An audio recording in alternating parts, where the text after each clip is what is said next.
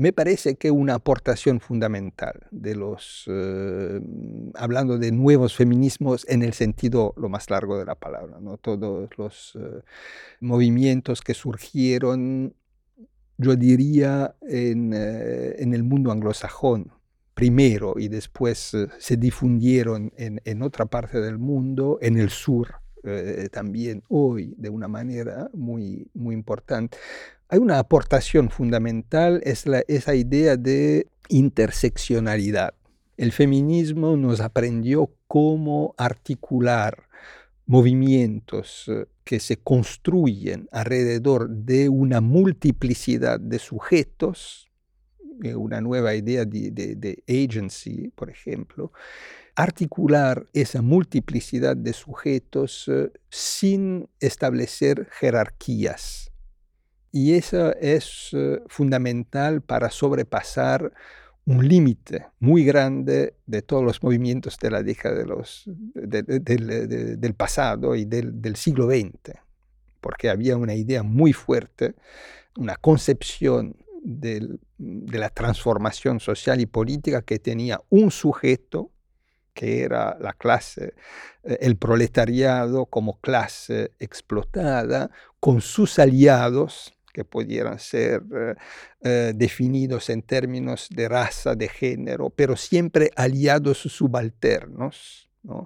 Entonces, con una jerarquía muy clara, y eso yo lo vinculo también a cierto paradigma militar de la revolución que nació con el bolchevismo y con la revolución rusa, y cuando se habla de paradigma militar, se habla de, disciplina, de jerarquías, eh, eh, también de género. Bueno, el feminismo rompió ese modelo y permitió de pensar movimientos eh, con una multiplicidad de sujetos.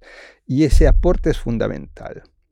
La melancolía de, izquierda, a la cual yo he consagrado mi, mi último libro, pertenece a la historia de todos los movimientos eh, de la izquierda y a toda la, historia de, los, de las revoluciones, de, la modernidad, es decir, de los últimos dos eh, siglos, porque la melancolía es eh, un sentimiento que pertenece a la naturaleza humana y no se pueden hacer experiencias como revoluciones sin movilizar afectos, sin movilizar emociones hay una dimensión emocional de los movimientos políticos eh, y de las revoluciones eh, imprescindible.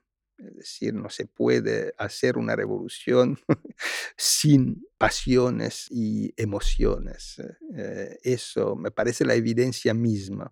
Y como la mayoría de las revoluciones fueron derrotadas o se acabaron muy mal, la melancolía es eh, inevitablemente eh, vinculada a esas experiencias. Eh, es una dimensión de la historia de, de las revoluciones y de la izquierda. El problema es que históricamente fue censurada, fue reprimida, no pudo expresarse porque había una visión teleológica de la historia que pensaba las derrotas simplemente como batallas eh, perdidas eh, y no como derrotas eh, finales. Entonces, si fuimos derrotados, pero tenemos la certidumbre que el futuro no pertenece, que estamos marchando en el sentido de la historia, podemos sobrepasar esas derrotas. Si no tenemos ninguna certidumbre sobre el futuro, las derrotas son más pesadas. Y cuando el futuro empezó a enturbiarse, a, ser ofuscado, a no ser más visible, este horizonte de espera no aparece más visible.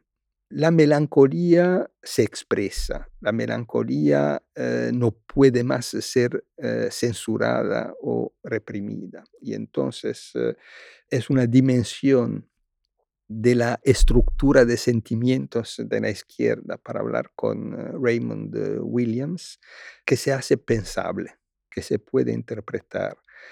El problema para mí es de hacer un buen uso de esta melancolía, transformar esa melancolía en el involucro, pudiéramos decir, de, de un trabajo del duelo de las revoluciones derrotadas que nos permita trasladar una experiencia a las nuevas generaciones, a los nuevos movimientos, como un legado crítico, ¿no es cierto?, para reproducir las contradicciones, los errores del pasado o para intentar imponer modelos, pero simplemente para permitir a esos movimientos de inscribirse en una continuidad, de tener una, una memoria, de, de, de pensar algo nuevo a partir de un pasado y no de una tabula rasa. ¿no?